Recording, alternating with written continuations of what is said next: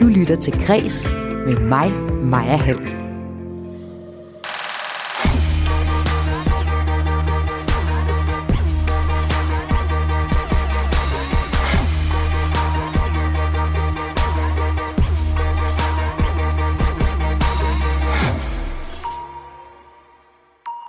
Playboy tussede som 14-årig, og senere et stort logo med Aqua. Bag hver eneste af popstjernen René Diffs 49 tatoveringer gemmer der sig en historie, fortæller Tubledet. Han er vært på portrætprogrammet Under Nålen og gæst her i Græs, hvor du også får tatovørens historie, når vi besøger Sinners Ink. Leonora Christina Skovs nye selvbiografiske roman handler blandt andet om magtmisbrug i forlagsbranchen. Ja, det kan være rimelig tough business, siger forfatter Knud Romer, der er en af de mange fra branchen, der er nævnt i romanen. Du kan her i Græs også høre, at et socialt medie vil bremse hadbeskeder beskeder med en ny funktion. Jeg hedder Maja Hall. Velkommen til Græs.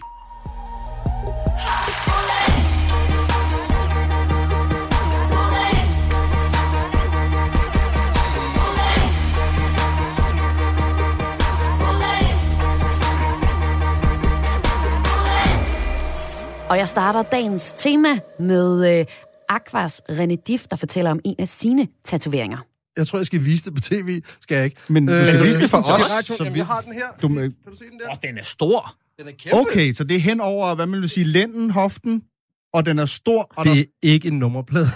Ej, vi er ude på Nej, nej, det er siden. på siden. Ja. Ja. Og der står Aqua øh, i store øh, logobogstaver med en blå skygge indeni og øjet inde i, øh, ja. i kuget.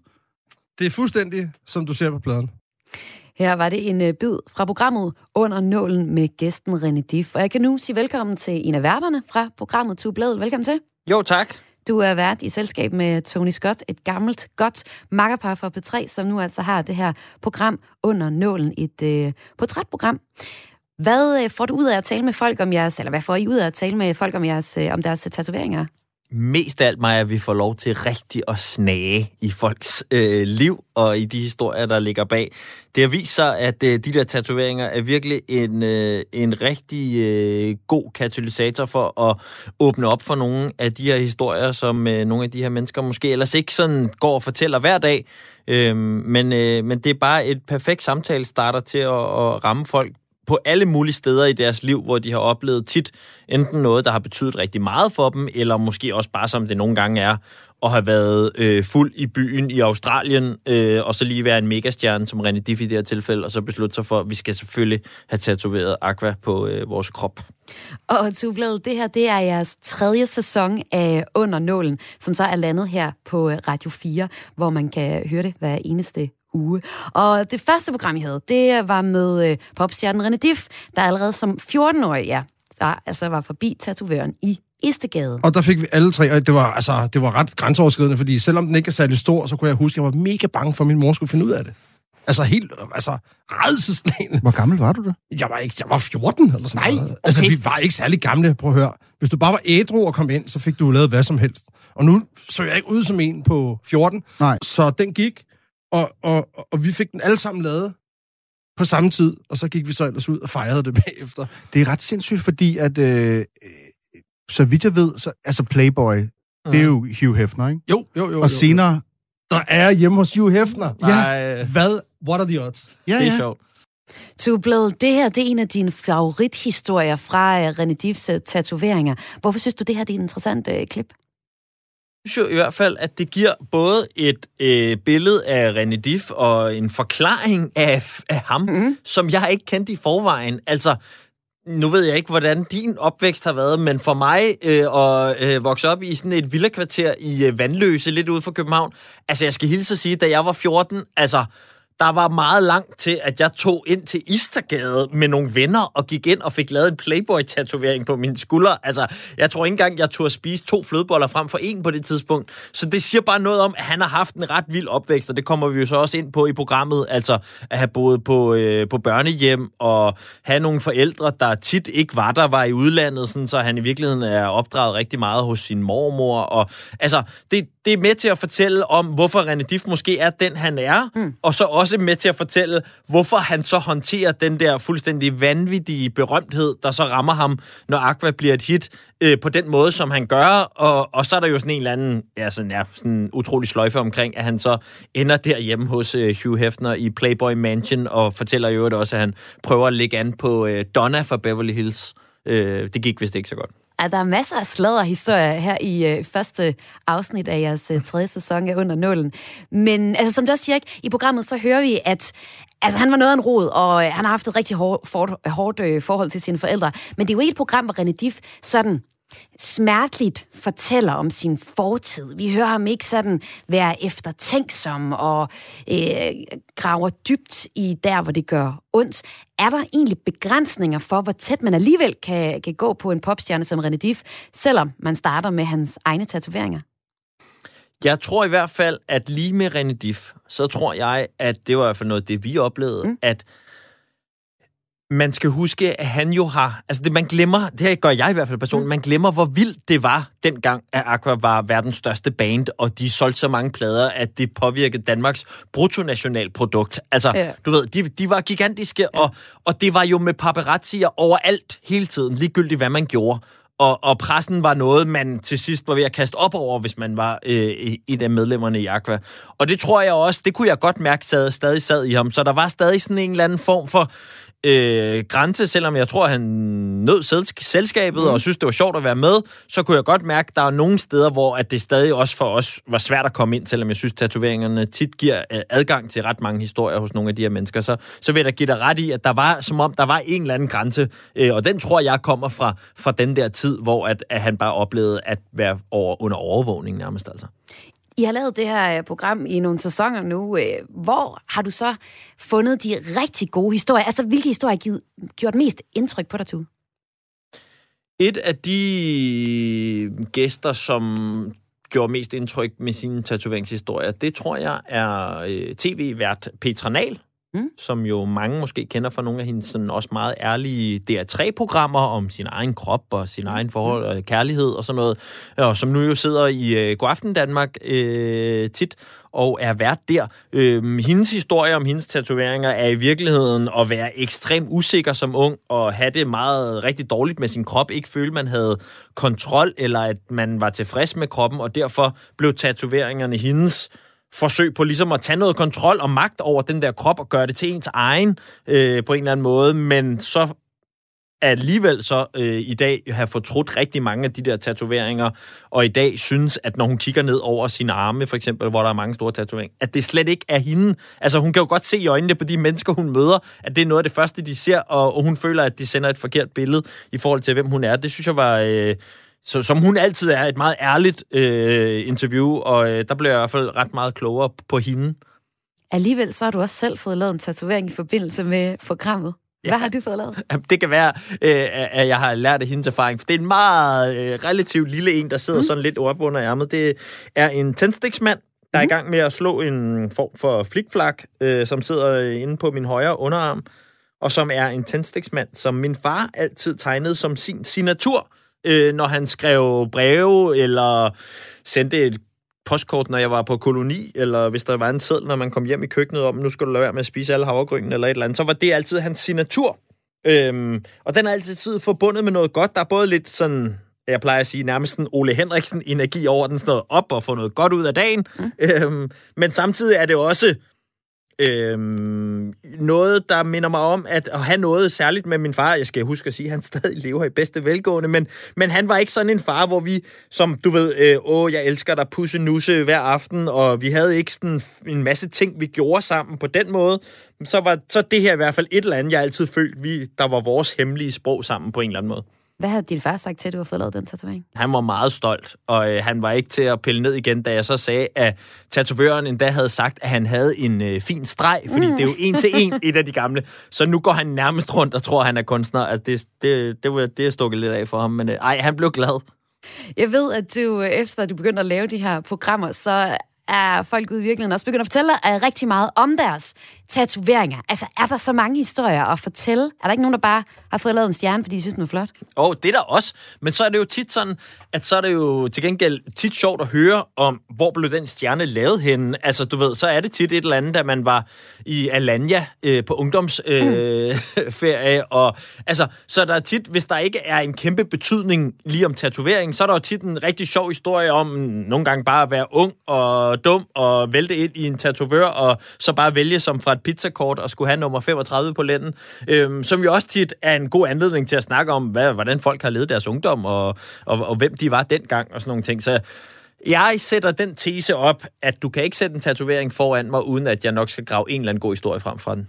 Hvilke gode historier er der i pipeline på øh, under nullen? Ja, men øh, jeg kan blandt andet fortælle, at vi har en øh, tidligere OL-vinder, mm-hmm. som øh, jeg øh, talte med i går, som bliver en af de fremtidige gæster, og øh, som blandt andet kunne fortælle om at... Øh, at få uanmeldt besøg af dronningen på sit hotelværelse under en øh, OL-turnering. Øh, og øh, der var adskillige ting på det hotelværelse, som man måske ville have pakket af vejen, hvis det var, man vidste, dronningen kom på besøg. Så, oh, øh, der, øh, og, og der knytter sig også en tatovering til det, eller hvad? Yes, der er en OL-tatovering. Det er jo øh, meget moderne blandt øh, OL. Folk, der har været til OL, og især vundet medaljer, så kommer man ned og får lavet sig de der øh, ikoniske ringe på, øh, på hånden eller armen. Du blev journalist og vært på programmet Under Nålen. Tak fordi du var med her. Det er mig, der takker.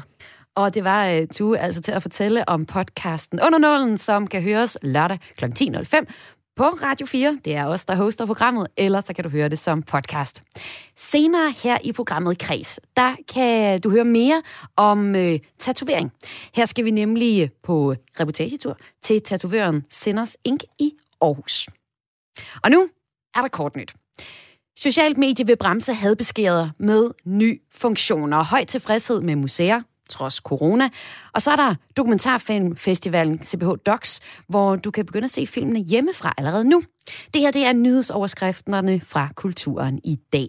Og jeg starter med det sociale medie Instagram, der nu udruller en funktion, der kan filtrere stødende ord, sætninger og emojis. Og det gør de for at forhindre brugere i at se for eksempel øh, voldelige beskeder og billeder i appen, det skriver Reuters. På ugenlig basis, så møder jeg kendte, også sådan semikendte mennesker, der oplever at få de her ubehagelige beskeder i deres Instagram-indbakke. Og dig, der lytter med, måske har du selv oplevet det, eller er mor eller far til øh, en, der har oplevet at få nogle ubehagelige beskeder i deres indbakke.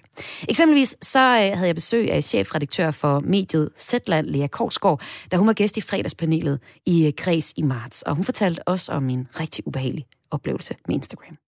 For nylig der sad jeg på toilettet, for nu tager jeg med helt ind i privaten, mm. og så fik jeg sådan nogle helt vildt søde beskeder fra min søn, der stod ude på den anden side af døren, og sendte sådan nogle, min seksårige søn sendte sådan nogle no, øh, post-it ind under døren, sådan, hvornår er du færdig? Og mens jeg så sidder derinde som, på min telefon, så får jeg en, bes, en besked på Instagram, hvor der står, at jeg skulle skære øh, pulsåren over på mig selv.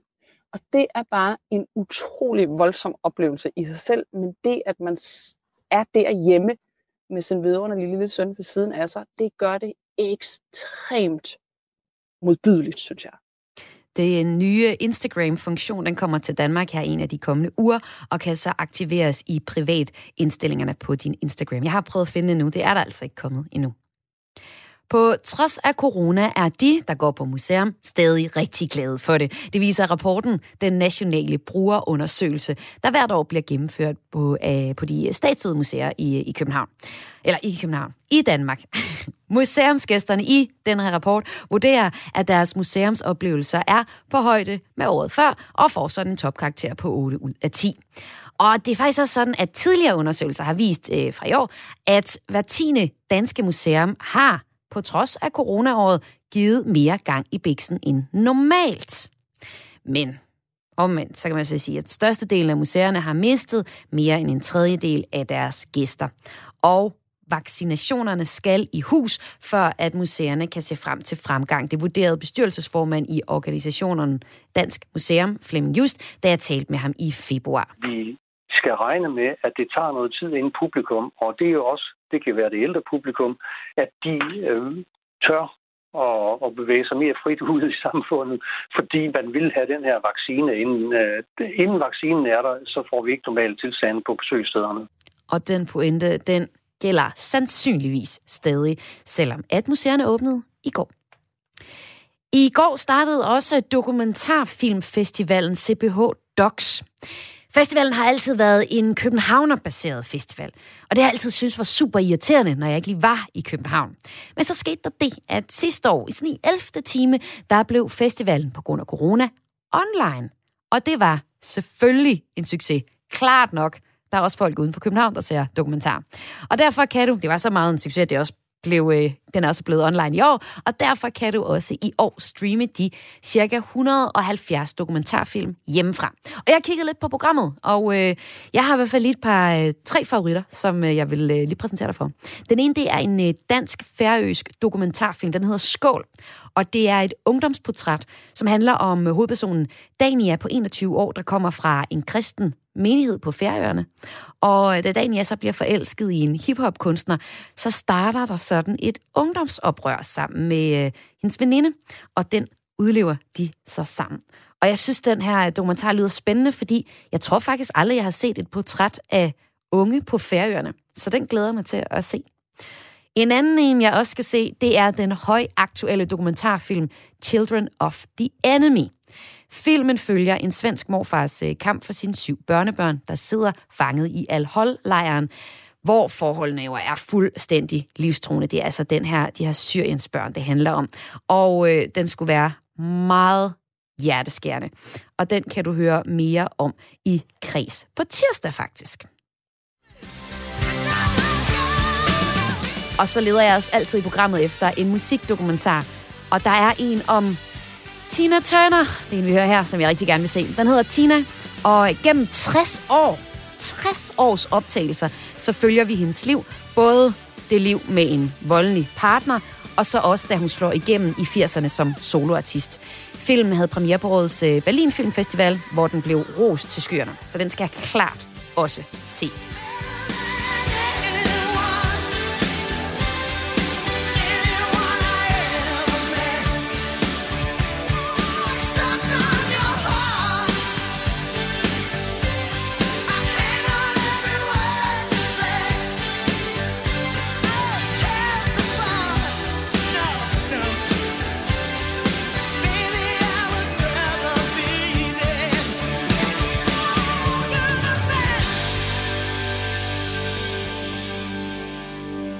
Dårlige lønninger, dullede billeder og en konstant usikkerhed. Leonora Christina Skovs selvbiografiske roman, Hvis vi ikke taler om det, udkommer i dag, har han faktisk lige her. Og øhm, bogen her, bogen her, den handler om øh, Leonoras vej til at slå igennem som forfatter, og så handler den også om magtmisbrug i forlagsbranchen. Og en bogbranche, hvor hendes taljemål skulle sælge bøger, fortæller hun. Jeg skulle have taget nogle pressebilleder til Silverdans Sønder. Så fik jeg pressebillederne tilbage. Det var sådan nogle rimelig Dita Fontis-agtige billeder, kan man godt se. Jeg ved, man blevet stylet. Og, øh, og så skulle de så også retuscheres. Og inden jeg havde set mig om, så havde jeg fået et taljemål, som om jeg var, altså havde korset på simpelthen.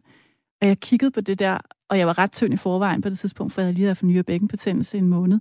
Så jeg havde tabt mig rigtig meget. Og kiggede på det der og tænkte sådan, really? Altså det ringede til min, min daværende redaktør og var sådan, undskyld, jeg vil gerne have mit jeg ikke engang undskyld. Jeg var sådan, jeg vil have mit taljemål tilbage, tak. Øh, og han sagde, at jeg kan bedre lide efterbillederne. Og det der med at skulle have en samtale med sin redaktør om sit taljemål, det havde jeg faktisk ikke forventet at skulle. Og jeg kunne godt se, at det kun var kvinderne, der blev iscenesat på den der måde. Det var et kæmpe shoot med stylist, og jeg ved ikke hvad. Der var ikke nogen af mændene. Peter Høgh fik ikke øh, sådan et shoot, vel?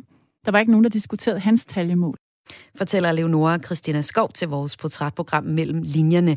Og den her historie, det er også en af de historier, som du kan læse i hendes nye roman, Hvis vi ikke taler om det, hvor flere fra bogbranchen ret skarpt bliver portrætteret. Og en af dem, det er dig, Knud Romer. Velkommen til. Jamen tak skal du have. Du er også forfatter og udgav i 2006 Den, som blinker er bange for døden, og i 2018 Kort over paradis. Knud Romer, i den forbindelse er dit taljemål så blevet retuscheret i forbindelse med pressebilleder? Nej, men altså, hvis du øh, optræder i offentligheden og i underholdningsbranchen, så er billeder jo pressefotos og fotografier, der bliver taget af dig en del af gamet. Og det er ikke kun kvinder, der oplever det, det er også mænd. Hvad har du oplevet, Knud? Jamen, hvad jeg har oplevet, altså, jeg gør, hvad jeg selv kan, for at det skal være nogle smukke, dejlige billeder. Nu, er, nu vil jeg så sige, at Leonoras taljemål i, i normalt er altså bedre end at reducere det, vil jeg sige. Det er en rigtig dårlig idé. Og hvad hedder det? Fotografier er jo du kan jo prøve at kigge. Altså, en hver kendt person, hvis det er en dårlig historie, har man et grimt billede. Hvis det er en god historie, har du, har du et, et flot billede. Der er altid et, historie, et, et billede, der jeg har oplevet at blive photoshoppet i information for at gøre mig til grin.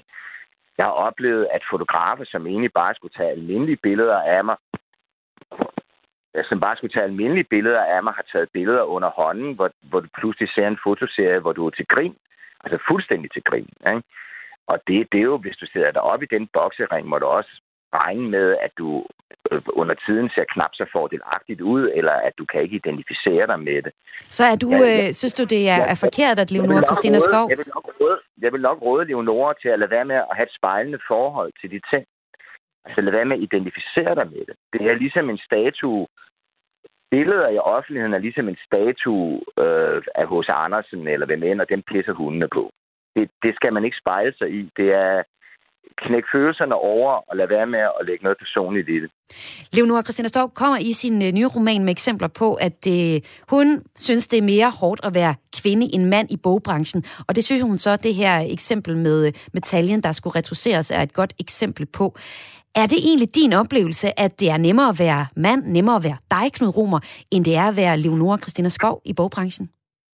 Det skal jeg jo ikke kunne sige. Jeg, jeg kender jo ikke hendes oplevelse. Altså, jeg, nu, nu kender jeg jo faktisk nogle af de historier, hun fortæller, og også den, for, den uh, forelægger, hvor jeg var på samme forlag, uh, som kommer som rimelig meget som et chok for mig, at hun blev behandlet så skidt, selvom jeg kender forelæggeren og ved, hvor, hvor modbydeligt det kan blive. Altså, uh, hvad hun fortæller om hende, er ikke noget i forhold til, hvad jeg har oplevet, for jeg blev MeToo'et på samme forlag. Jeg, blev, jeg, jeg skulle næsten knippe min forelægger for at få en bog udgivet. Er det en anklage, du kommer med uh, her til uh, mod forlæggeren? Undskyld, hvad? Er det en anklage, du kommer med her til uh, mod forlæggeren? Jeg kommer med en anklager, fordi jeg er ikke interesseret i at gå ud i offentligheden med, hvad end jeg oplever på min vej i forsøget på at få en bog udgivet.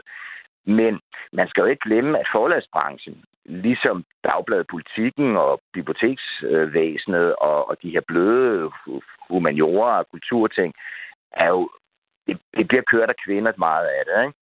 Det mest absurde er så, at alle redaktioner og så videre, de fleste funktioner er, er kvinder.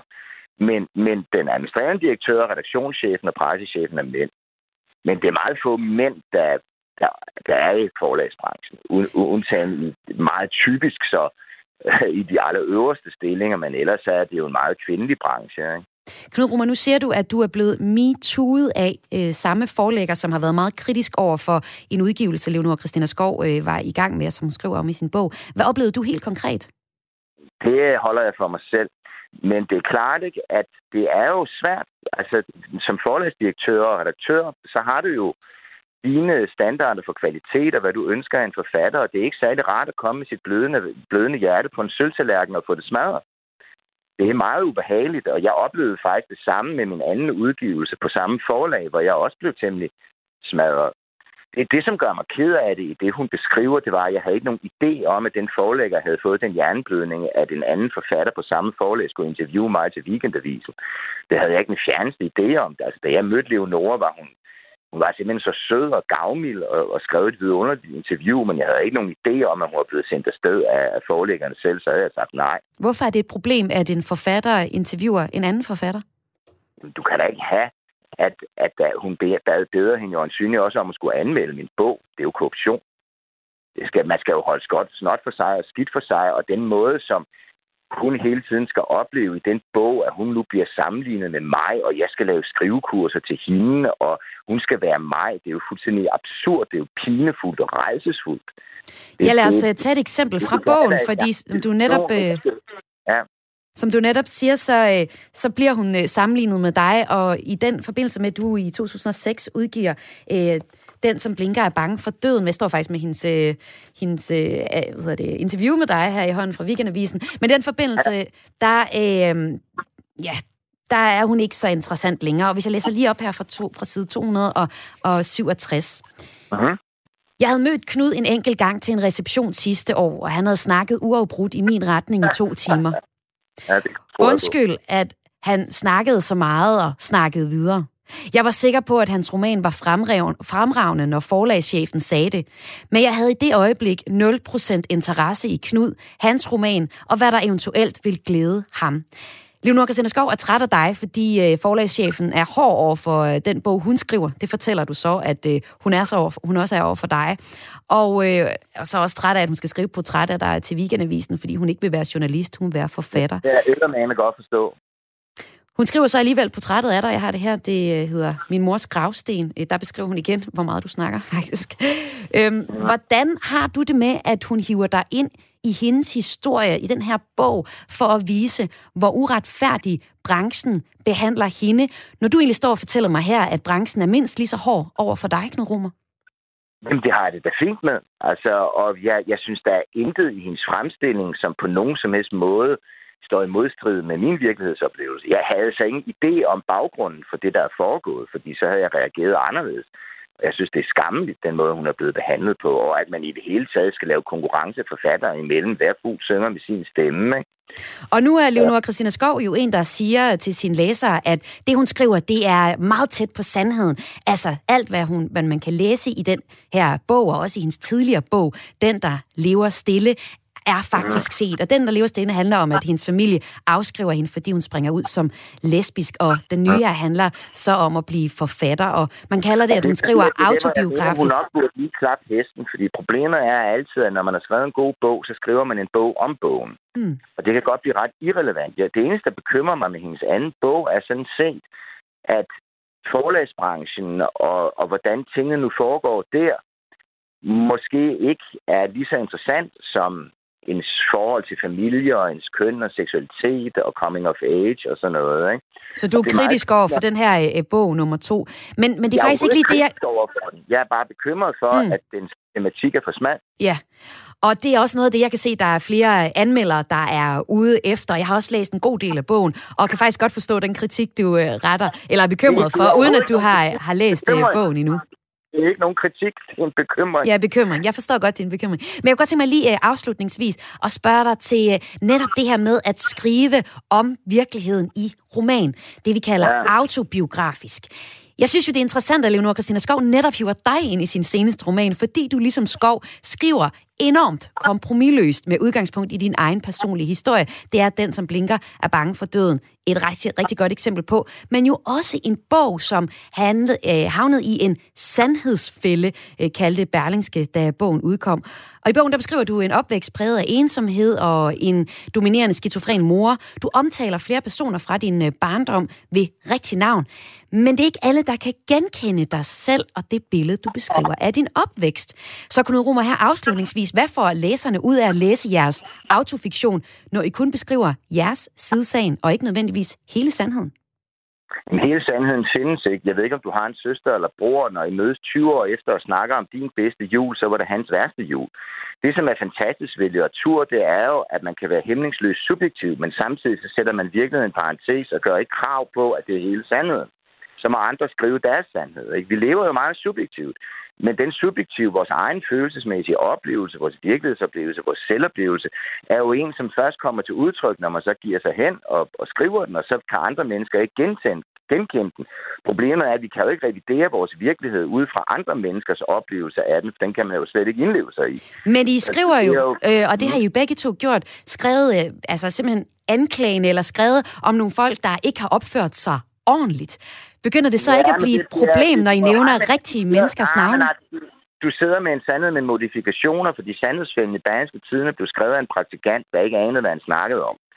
Og der er ikke nogen, der er blevet nævnt med navns nævnelse i, i, hvad hedder de, i den, som blinker er bange for døden. Der er 12 fornavne, som jeg leger med, Mm. mm. ligesom bolde op ad en væg. Hmm. Og det, der er sagen, det er, at hvis du skal føle dig offentligt udstillet og ignoreret, så skal offentligheden være i stand til at kunne identificere dig. Mm. Og det kan man ikke, fordi Marianne, Jens Erik, hvem er det? Jeg har gjort mig stor umage for ikke at hænge nogen personligt ud, så de kan genkendes i offentligheden. Det, der er forskellen på autofiktion og almindelig fiktion, det er, at man i gamle dage, der ændrede man sådan set bare navnene. Men dem, der sad indbrændt tilbage, kunne genkende sig selv karikeret, havde ikke Mm. nogen mulighed for at komme til ord. Nu øh, er det så i visse tilfælde, man bruger rigtige navne for ligesom at have en eller anden virkelighedsreference.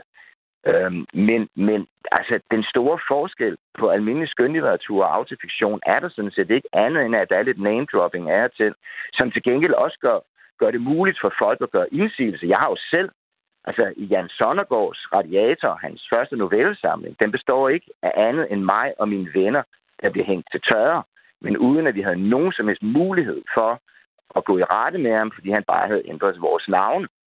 Hans ekskæreste fik et mindre nervesambrud over den måde, hun blev behandlet på i den roman. Han, øh, Jan Sonnergaard, han endte sin dage med at skrive en roman, hvor han sviner meget af min mor til hele romanen igennem, men bare ændrer mit navn. Ja, Deadline bad mig om at skulle sidde og skændes med ham om det øh, i offentlighed. Det kunne ikke falde mig ind, fordi at den, der protesterer, har tabt. Hmm. Og Knud Romer, med de ord, så vil jeg sige tak, fordi du var med her. Altså forfatter og med i Leonora Christina Skovs nye roman, ja, hvis vi ikke taler om det. Ja, Leonora for pokker. Jeg håber, det går godt.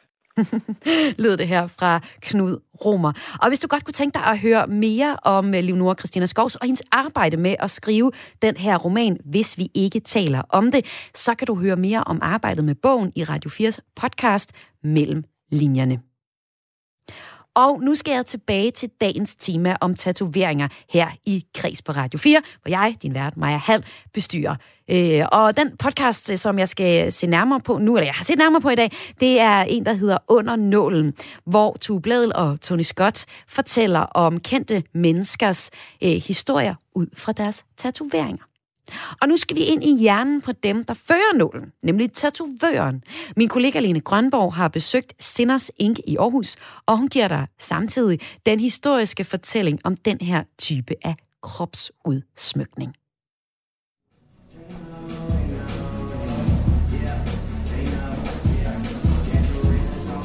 Så det er bare enormt rørende, at folk gider at bære ens kunst for, for evigt. Altså det er et vildt ansvar, man sidder med, og det, de fleste er os enormt glade for. Ja, så det, det er rigtig fedt ved at være tatovør. Mit navn det er Amalie Erbo Asinovic, og jeg er tatovør hos uh, i Aarhus. Udefra er stedet fuldstændig anonymt. Men i det øjeblik, man træder indenfor hos Sinners Ink, bliver du mødt af lyden af summende nåle og en fuldstændig vanvittig entré med spejle overalt, hængende lamper i snore for luftet og et skrigende rødt lys.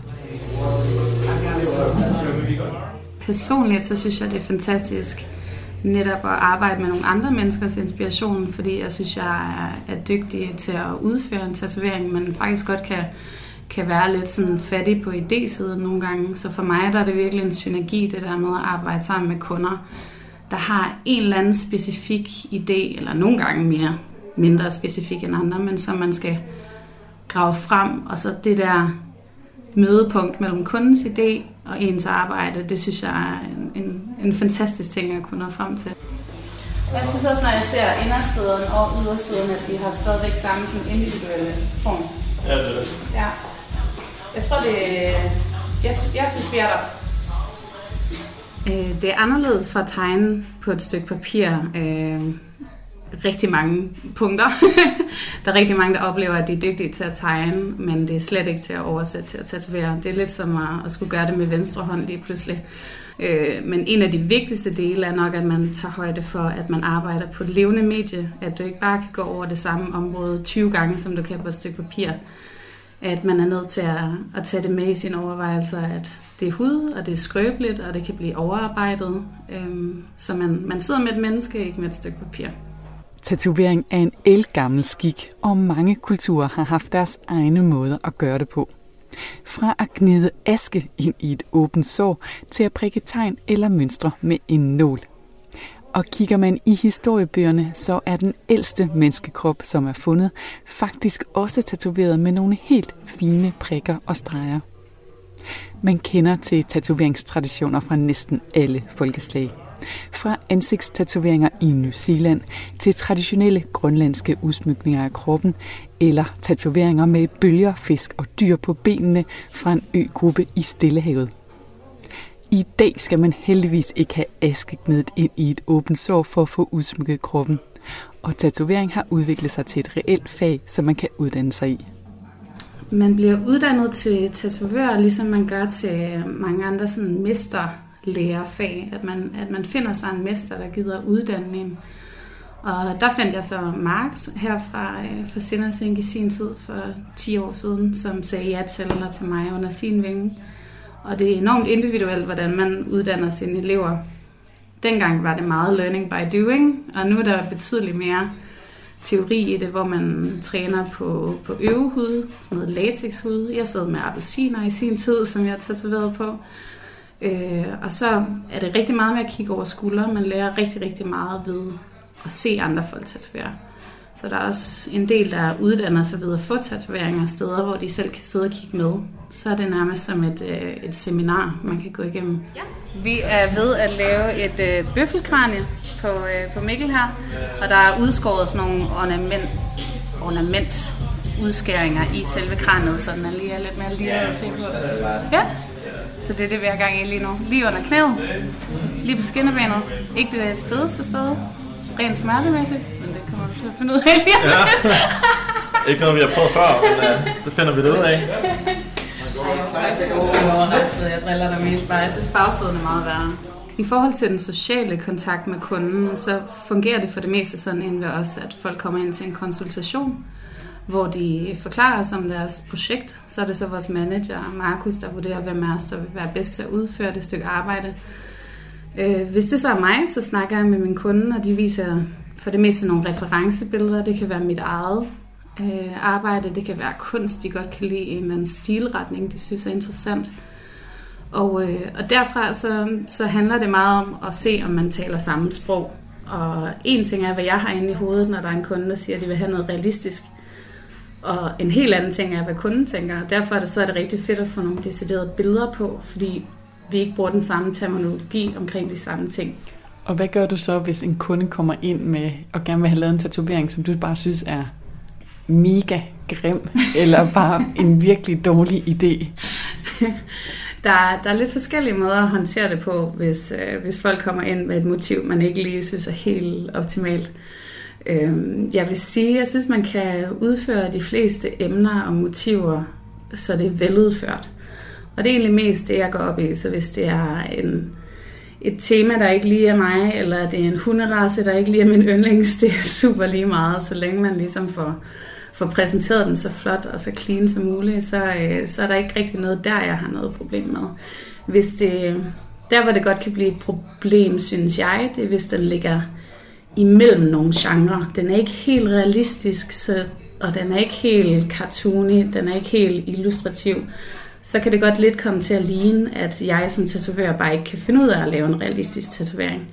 Så for mig der er det vigtigt, at der ligesom er en meget klar stilretning i det, man laver. Og så er det egentlig næsten ligegyldigt, hvad det er, man tatoverer. Ja, næsten ligegyldigt hvad. Et vigtigt årstal for udviklingen af den tatoveringskunst, som vi kender i dag, det er året 1868. Her blev der nemlig etableret kontakt mellem Japan og Vesten. Og var der nogen, som kunne finde ud af at lave flotte motiver, så var det altså de japanske tatovører. I Vesten arbejdede man med sorte og røde tatoveringer af kristne motiver, men japanerne brugte farver, skygger og forskellige billeder. Fordi Japan blev åbnet mod resten af verden gennem søvejen, var det især i starten sømænd, der blev tatoveret. Senere fulgte resten af befolkningen, og i 1951, der stiller kong Frederik den 9. sig op til fotografering med stor brystkasse og masser af tatoveringer ned ad armene. Og på den måde blev det altså langt mere alment accepteret at udsmykke kroppen. Og også dengang har der sikkert været gode fortællinger gemt bag hver eneste tatovering. Jeg har rigtig mange tatoveringer, der har rørt mig meget. Øhm, mange mennesker med utrolig både sørgelige og smukke historier. Øh, og de kommer ikke altid der, hvor man lige har forventet det. Så nogle gange så noget, der ser ret simpelt ud i ens kalender, kan ende med virkelig at, at blive der med en. Øh, noget, man tænker tilbage på. Jeg har nogle, en lille humlebi, for eksempel, som en kvinde fik lavet efter en personlig tragedie. Og noget skrift, som man også tænker, at ja, jeg skal lige lave en skrift, kunne der være nogen, der tænker, men som er enormt vigtigt for nogle personer for at komme videre, og komme over en, en episode i deres liv, eller virke som en katarsis på en eller anden måde. de projekter ender for det meste med at være enormt betydningsfulde, og det kan godt nogle gange tage røven lidt på Ja. Nogle gange så er folk rimelig kulhørende i forhold til, hvad, hvad de tror, de egentlig kan holde til. Og det kan godt nogle gange ende lidt anderledes end forventet. Der var for eksempel en, en ung fyr, der gerne ville have lavet et meget stor, en meget stor tatovering på ribbenene med nogle køjfisk og en masse farver. Jeg skal komme efter dig. Super fin idé, men han blev også gjort opmærksom på, at det var hans første tatovering, og det var, et, det var et rigtig ømt sted, han havde valgt. Ja, det var, en, det var super. Det kunne han sagtens holde til. Det var slet ikke noget problem. Øh, og min kollega, heldigvis ikke mig selv, går så i gang med at tatovere ham.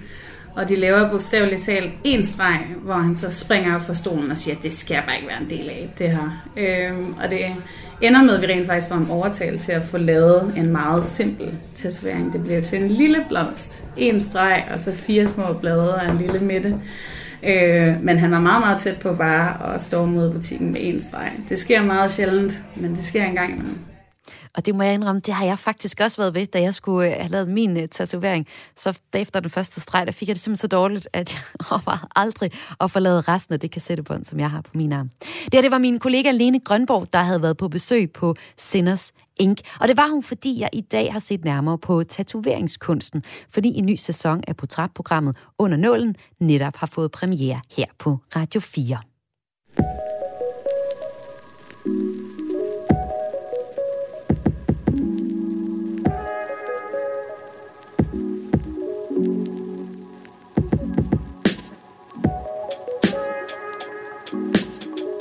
Der er blevet slugt rigtig, rigtig mange bøger her under corona. Det er der flere øh, undersøgelser, der har vist. For eksempel i sidste uge, der kunne jeg fortælle, at en undersøgelse lavet af lydbogs streamingtjenesten Mofibo viste, at 31 procent af danskerne mener, at deres lydbogsforbrug er steget under coronakrisen. Og fordi at danskernes læselyst er i topform for tiden, så har vi her på Kreds lavet en bogbrevkasse, hvor du kan få skræddersyet en anbefaling til en bog, som du kan læse. Og øh, redaktøren, det er dig, Karoline Kjær Hansen. Velkommen til. Tak, Maja. Du er vores litteraturekspert på redaktionen og også vært på Radio 4's litteraturprogram Mellem Linjerne. Og der er en, der har skrevet ind til vores brevkasse. Det er Mathilde. Hvad har hun skrevet til os? Hun skriver, kære bogbrevkasse. Jeg er ved at skrive mit speciale, og dermed også ved at afslutte mit studieforløb, og i det hele taget sætte et punktum som studerende. Selvom jeg generelt altid har været glad for at studere, kan jeg dog konstatere, at jeg har haft svært ved at trives i specialeprocessen. Nok dels på grund af coronaomstændighederne, men også dels fordi jeg skriver alene og i den grad savner at være fælles om det faglige med mine medstuderende. Mm. Det kan virke meningsløst og navlepillende, når det ikke er en fælles opgave sammen med andre. Derudover står jeg på en måde meget snart ved en skillevej, da jeg forhåbentlig er færdiguddannet til sommer, og derfor for alvor skal finde min plads i det virkelige arbejdsliv og ikke mindst i tilværelsen, uden at være studerende længere. Alt dette til sammen kan være både angstprovokerende og svært at rumme. Har du et bud på noget litteratur, som kunne hjælpe mig på vej ind i alt det nye, der venter på den anden side af specialet? Kærlig hilsen, Mathilde. Og det er Mathilde, som skal have en skræddersyet læseanbefaling her i øh, bogbrevkassen i dag. Hvad øh, hæfter du der ved i teksten eller i beskeden her fra Mathilde? Jeg hæfter mig ved, at hun øh, jo er i den her overgangsfase, som nok ikke bliver den første overgangsfase, som hun kommer til at stå i, men, men mere præcist er det den fra studie til arbejdsliv. Og så også, at den ikke nødvendigvis er forbundet med, med nogle gode følelser, men Nej. egentlig er ret udfordrende. Og jeg tror, der er mange, der egentlig står øh, og kan ikke genkende til det, Mathilde oplever, mm. med at sidde og være ret alene om det, så er med at skrive speciale eller med et arbejdsprojekt. Ja. Hvad øh, vil du anbefale lige præcis, øh, Mathilde? Mathilde skal læse en bog, som jeg selv læste, da jeg skrev speciale, mm. og jeg synes, det var lidt angstprovokerende at skulle ud på den anden side af studielivet. Og det er Tine Høs debut, der hedder Nye Rejsende, som udkom i 2017, og som hun faktisk også fik øh, Bogforums debutantpris for. Hvad siger den? Den er Nye Rejsende. Hvorfor hedder den Nye Rejsende? Jamen, øh, det gør den, fordi at den øh, foregår meget tiden i et tog. Ja. I, øh, I bogen, der følger vi øh, en jeg-fortæller, som er nyuddannet gymnasielærer og får job øh, i Næstved. Og hun øh, bor i København, så hun pendler. Og på første dagen, der møder hun øh, en mand, som hun får en affære med, fordi han er gift og har et barn i forvejen. Men de knaller her på den her togstrækning, fordi han også pendler samme vej. Mm. Øhm, men det er den her kærlighedsfortælling, som jeg kan sige, det er ligesom sådan den røde tråd igennem bogen, men den handler i langt højere grad, i min optik i hvert fald, om at være ung og f- netop være blevet færdiguddannet og skulle finde sig til rette i sit nye liv øh, med et arbejdsliv og også nu i det her tilfælde være gymnasielærer og altså have ansvar for nogle mennesker, som du ikke nødvendigvis føler dig meget ældre end. Ja. Øhm, og som sagt, så læste jeg den selv, da jeg, øh, da jeg sk- skrev mit speciale. Øhm, og på mange ja, hvad måder... fik du ud af at læse den? Jamen, jeg tror bare, at jeg følte, at jeg blev set. Altså, i hvert fald, at de her følelser, som jeg stod med, nu var jeg jo ikke færdiguddannet nu, men det var stadigvæk nogle følelser, som øh, jeg allerede havde under huden. Altså, den her sådan, ja, øh, forvirrethed over at skulle øh, over i en ny periode af mit liv, øh, og sådan også øh, forventningerne til det, og frustrationerne, øh, fordi jeg tror, den måde, jeg havde det på, var, at jeg egentlig på mange måder godt kunne lide at studerende, op på den anden side og gerne ville være færdig med det. Og det er sådan, sådan er de der overgangsfaser jo tit, fordi når du står i en overgang, så, bliver du også, så ser du også tilbage og kan måske se noget af det gode, der har været forbundet med den tid, der engang var. Men det ændrer ikke på, at det kan være de her overgangsfaser kan være fyldt med ambivalente følelser. Og det synes jeg i hvert fald også, at den her jeg-fortæller rummer. Altså, at der både er noget fedt ved at være kommet til det sted i livet, men også noget helt vildt frustrerende og angstprovokerende, som gør, at hun meget hellere egentlig bare vil være de gymnasieelever, som hun selv øhm, underviser. Vil du ikke læse en øh, passage fra bogen? Jo, jeg har valgt øh, to, som jeg synes illustrerer det her, og som jeg husker øh, fra dengang, jeg læste den. Øhm, ja, den første kommer her. Og når, jeg skal måske lige sige, at det kan være, det lyder øhm, lidt specielt, når jeg læser det højt nu, og det er fordi, at øhm, Tine Høs bog her har ikke nogen genrebetegnelse. Øhm, men øh, det kunne både betragtes som et langdigt. Jeg ved ikke, hvordan synes du, det ser ud? Altså, det, er sådan, det kunne godt ligne... Det ligner et digt. Ja, altså, det ligner et digt, men når man så går i gang, så finder man ud af, at der faktisk er et plot. Mm. Så, øh, men det kan vi lige tale om mere. Det er mere sådan lige, når jeg læser det højt nu her. Kan du nå hjerterne? Min søster ruder med limstiften. Hun bor i Valby. Hun læser medicin og er halvandet år yngre end mig. Og hvor langt er du med navnene? Det går fremad, siger jeg. Bordkortene skal bruges til november. Thomas er kok. Han havde lagt ringen i en nødekurv. Vil du, have, vil du have Bruns mor og brudens far eller deres navne, spørger jeg. Det ved jeg sgu ikke. Thomas, råber hun ud mod køkkenet. Nej, navne, siger hun så. Lige meget, råber hun. Og Peter Plastik er en guldtus. Nå, og hvordan går det så på gym? Hun spørger op uden at kigge. Hun sætter proppen fast bag på tusen og lægger papiret og hovedet på skrå, som da hun var barn. Jeg synes, det er svært, siger jeg. Nogle gange kan jeg ikke rigtig forstå, hvordan det skete. Hvad? At jeg er nogen slager? Hun kigger op og griner. Det er ikke for sjov, siger jeg. Og hvad, hvad tror du, Mathilde får ud af at læse den her øh, bog? Øhm, jamen, jeg håber, hun vil opleve den samme genkendelse. Altså, øhm, At skulle være nogens lærer. Øh, ikke Ja. nødvendigvis, men i hvert fald ud og have et, et ansvar, som Ja. kan virke helt vildt fedt, og man kan, virke, man kan føle sig kompetent, og så nogle dage bare overhovedet ikke. Der er et andet eksempel her, Ja. som faktisk illustrerer det fra klasselokalet, øh, og vi så sprunget en del i, i handlingen her. Øhm, spritlugt i klasselokalet. I frikvarteret taler BROM, det er sådan nogle lærerinitialer, og KILI om at skrive et klagebrev til Crazy Daisy og bede dem om at nedlægge Turbo torsdag. Jeg har også tømmermænd. Jeg sidder ved katedret og kigger på jeres lejlighed på Google Street View. Og det var bare, øh, synes jeg, vildt grineren det her med, at øh, nogle af de ældre lærere, de taler om, at de synes, det er for dårligt, at eleverne de her tømmermænd, og så sidder hun der og har egentlig også selv tømmermænd, øh, og føler sig jo mere i den konstellation som øh, eleverne, men når hun står der som lærer op ved katedret, så er hun jo læreren. Øh, så, så jeg Ja, så jeg håber, Mathilde vil, øhm, vil føle sig genkendt og opleve, at de her følelser, som hun står med nu, øhm, er meget eksistentielle, og det er jo derfor, det er jo noget af det, jeg også udvælger litteratur med afsæt i, at, det, øhm, at hvis man kan spejle sig, så kan man måske også sådan lige få lidt perspektiv på de der følelser, der kan føles helt vildt store og uoverskuelige, og finde ud af, at det er simpelthen bare helt normalt, og ikke noget, man skal være øh, være bekymret for. Og så er der også noget i mig, som tænker, at Mathilde vil få noget ud af at læse den her, fordi at øhm, man kan godt have sådan en forestilling om, at, altså, at der er en eller anden form for endestation. Når man nu så bliver man måske 30, og så er man da i hvert fald voksen. Eller når man er 30, skal man tænke, når man er 40, så må man da i hvert fald være voksen. Og hele livet er jo sådan en lang øh, udvikling, hvor at man aldrig føler, at man måske helt har fodfæste og er i en eller anden form for overgang, altså en udviklingsperiode. Øhm, så jeg tænker ikke, at hun skal blive bange for at læse den her, men at det måske nærmere kan være en eller anden form for tryghed. Altså sådan, du er også nødt til at øh, sådan finde en eller anden ro i de her følelser, og sådan kunne acceptere, at du vil aldrig være øh, kommet frem til den der endestation, fordi den rykker sig hele tiden, men det er jo også noget af det, der gør livet fedt. Så både et øh, godt råd til vores øh, lytter, Mathilde, og så også en anbefaling om, at hun skal læse Tine Høs debutroman Nye rejsende.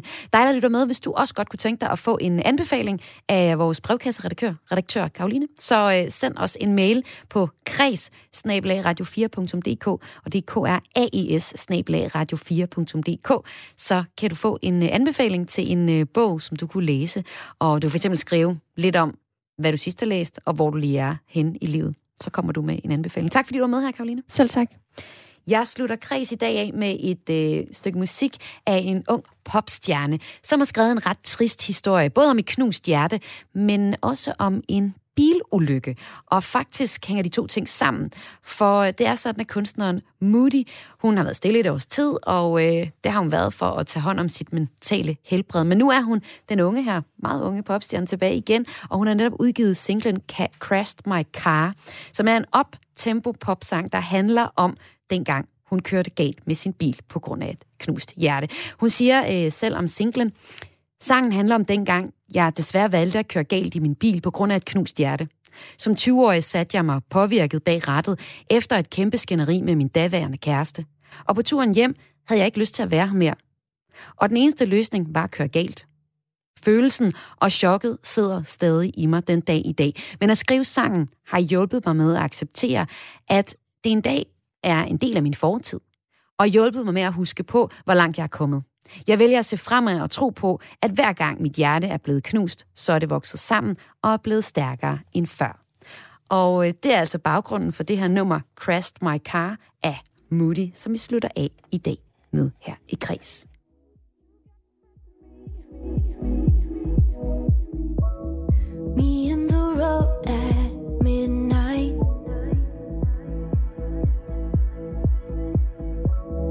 runny makeup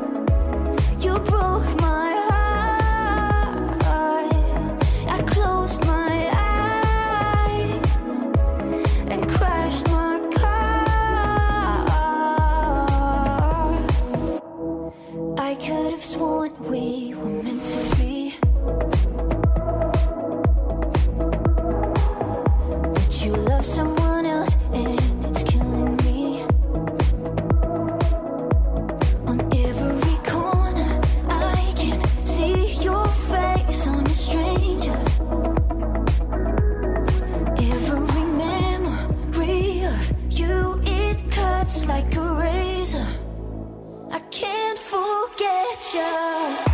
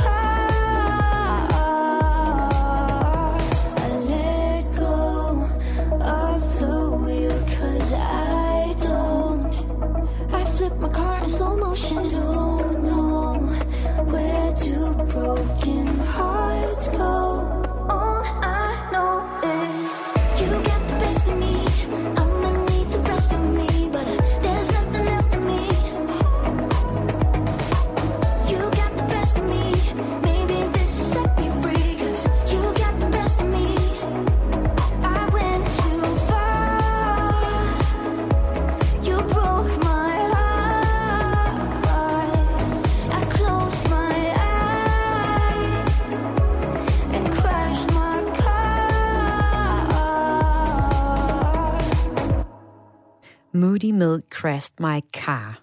Og Chris er færdig for i dag. Uh, Mutte vil gerne synge mere for os. Vi skruer det ned for hende.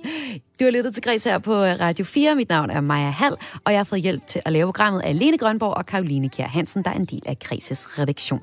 Ha' en dejlig eftermiddag.